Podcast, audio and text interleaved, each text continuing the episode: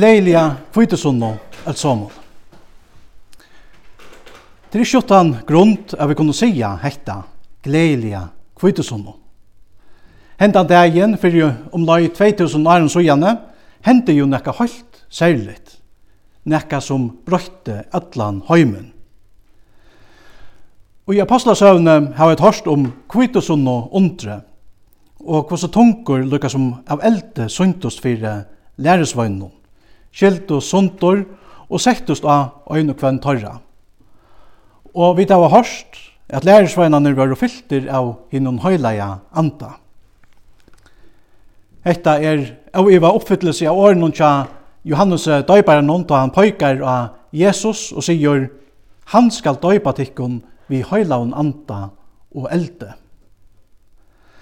Lukka som apostlene av sinne var fylter vi høylaun anda Så la skrypur heilar ande i det, øysni inn i løyve, tjatær og mer, og öllum kristnun menneskjum. Og her vi øya öll kristen menneskjum øysni lot ut ur sama andliga rujtjødømnum, det som vi øysni sauna i om her og i det, eller kvöld. Vi øya lot ut i sama heilaja anda, som Jesu apostlar òsni var og fyllte vi, in fyrsta kvitusundegin. Hinn samme heila i anden ger òsne som gjerning og i tær og mer. Medan Jesus enn vær tja læresvagnon, fortalte han taimon om det som skulle henta og i nærmast og framtøy. Han fortalte taimon om lojinsna som han skulle og i djøknon. Han fortalte taimon at han skulle dødja, rysa opp og færa heim til færen. Hetta gjør det læresvagnarnar av råligere til at har høyde enn ikkje fæta hva Jesus måtte og gjøgnon for å frelsa menneskje fra tåra syndon. Men alt hekta brøytist, da høylaur ande blei utheltur av kvitesunno. Jesus han er nemlig sagt vittar, men ta i han kjemur, sannløygas ande, ta skal han veløya tikkun til atlan sannløygan. Jesus han fortalte altså lærersvennon om sina borsterfer, Men samstundes trøsta han tar røysene og sier at han ikke skulle lette at han var etter fægeleisar. Jeg kommer til tikkere, sier han vittor. Og han visste seg tar om at han skulle gjeva tøymon en annan talsmann, sannløykans anda, som skulle vera tjatøymon atler enver. Hekta lyfte var til veriløyka og i Jerusalem fyrir omløy 2000 åren så gjerne ta apostlene var filter i heilan anda. Men hava sagt hente fyrir om lai 2000 år så gjerne, så er kvitesundan, som vi tatøy er halta og i det, ikkje berre ein minningar hatøy. Nei, det som hendte ta er òsne galdande nu. Jesu år til lærersveinar er òsne galdande fyrir okkon som er hansara lærersveinar og i det. Talsmauren Sannleikans ande skal òsne vera tja okkon allar eivr. Lukka som vi tar til halda jævl, postjer og Kristi himmelsfæra det, det at hese er hendingar ikkje øynans vera nekka som gjør det seg galdande ta, men som òsne grøyper inn i okra loiv her i det, så er det òsne vi vikjante kvitosundene. Vi tar til halda kvitosundene, til at lyftene tja Jesus til lærersvennerne, ta av døvun, øysene er galtande fyrir Jesu lærersveinar og i det. Jesu år, er kommet til tikkara, er øysene oppfyllt fyrir okkom. Talsmauren, sannlagas ante, er øysene tja okkom. Kvitesunna kan altså lysas som tandavren Jesus kjemur. Ikke i holde og blaue, men i høylaun anda. Ta gjør han ta, og ta gjør han øsene og i det. Gjør noen nøye milaner. Gjør noen Guds år, gjør noen døpen og hinna høyla og kvöldmaltøyna. Ja, nøye milaner gjør det kyrkjegongene og fætlige innihalsrøyka. Det her møter vi nemlig Jesus.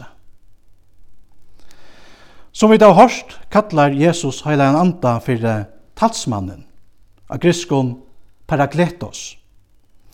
Etter året sier bare til øyn som er båsendur til at fylgja, hjelpa og verja øynum vine og i rettene. Og da Jesus sier at han vil djeva lærersvennen og en annan talsmann, så innebærer det sjålvan i øysni at han langt å heve en talsmann framan undan, nemlig sjålvan Jesus. Og i 1. Johannesabrevet 2.8 verer Jesus øysni lustur som akkurat talsmæver tja gode. Medan Jesus var tjasun lærersvagnon, var han altså tørra talsmaur, etla advokator, som da østene var røpt. Og en advokator er en som talar fire teg, som ikkje kunne tala fyrir seg sjálvan. Hetta var støvan tja lærersvagnon, og hetta er òsne støvan tja tær og mer. Vi tar öll bruk fyrir talsmannen, advokaten, vi tar öll bruk fyrir Jesus. Til at vi er jo öll syndare, og vi glættast om vi ikke hava hentan advokaten at tala fyrir okkon, at tala okkara søk i fri gode. Men hekta er nemlig at det, så vi øya og i okkara frelsara, Jesus. Vi øya ein advokat, ein talsmann, ein som teker okkara søk og altså sjálvan og talar fyri okkon framman fyrir Guds domståle. Og i Hebrearbraunum lesa vi døysni at Jesus alltid lever til a genga i forbøn fyrir okkon. Hetta er hans er gjerningur. Han byr fyrir okkon her og nu. Og man har hetta jaua Jesu år, Jesu trøstar år, til lærersveinarnar, nu òsne til okkon. Jeg vil ikkje leta at ikkon være etter feirleisar. Nei, han kjemur òsne til okkon og fester bygg og i okkara gjørston vi hinnom 17 talsmannen vi høyla og nanda. Som Jesu lærersveinar er vi altså onkantoi åndsamøll. Det kan være at vi kjenner okkur åndsamøll, men som Jesu lærersveinar er vi ongantøy åndsamøll. Jesus han er tja okkon og er ui okkon vi høyla og anda.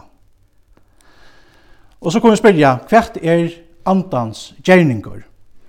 Jo, han pøykar av hin fyrra talsmannen. Han pøykar av Jesus. Hetta er det som Jesus sjálfur understrykar, da han sier om heilagan anda.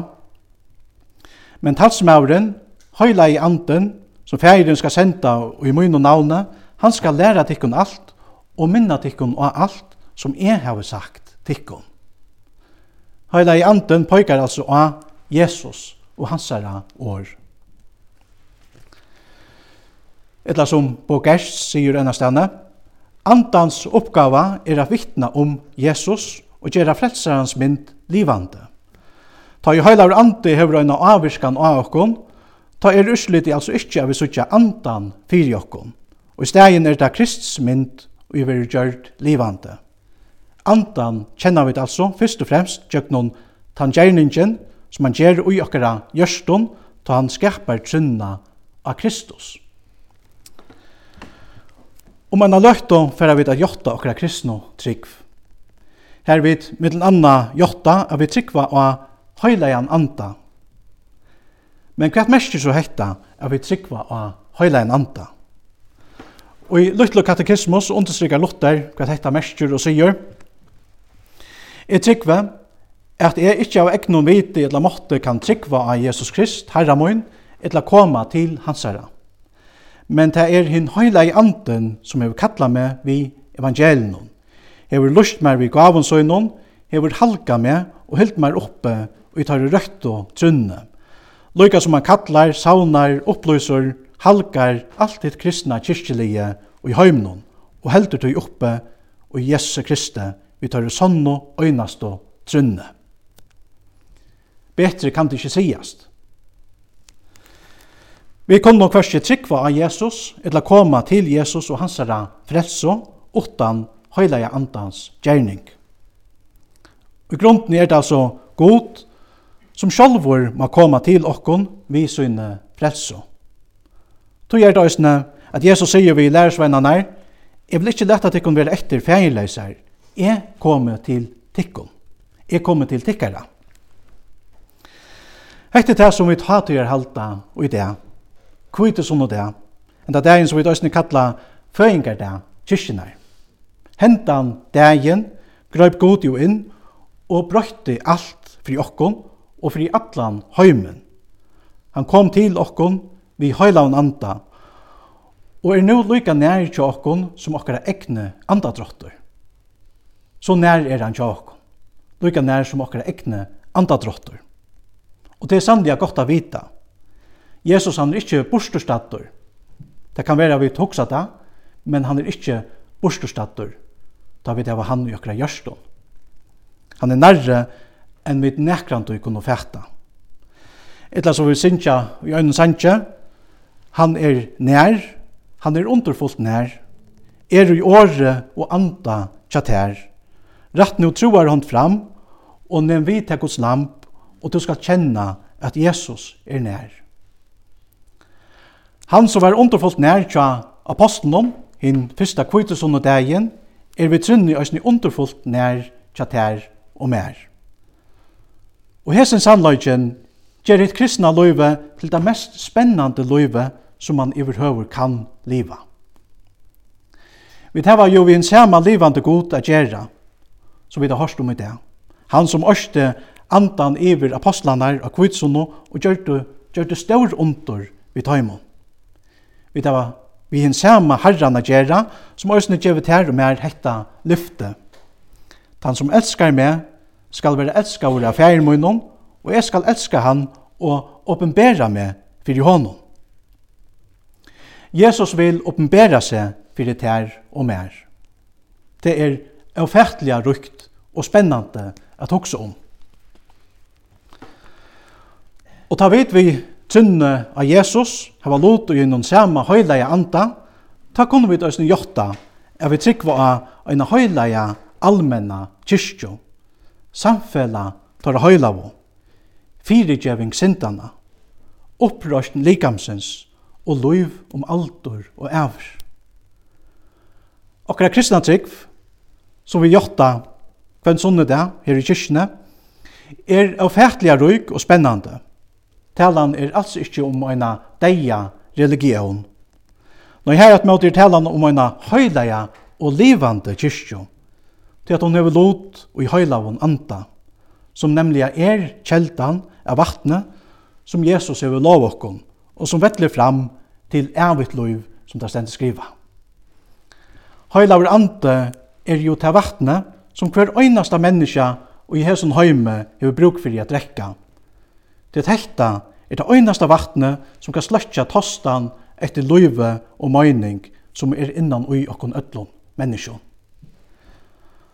Tøy hugsi jeg at det er passande at enda i seg her praktikna vi bønene som vi fyrir sinja om man har løtt etter apostolsko sikningsna. Andana ante støy nu fra til hua, til som vi feir og sine er god. Kom varar saler nu atlara grua, himmelsens bror to byggva skalt ut. Høyta og sauna, Guds åre utuja, bytja Guds kyrkjo og blysa hans tjau. Ta er tun gjerningur, oss skal du voja, gjørstun ber på at Guds miskun er gau. Lov og takk, og allir høyur, vir et her, god og varon, fægir sine og høylaun anda, som alt du hever er og alt du ein sannur, Tru einur god, ha lovavur fra fyrste opphavet, nu om atleir avr. Amen.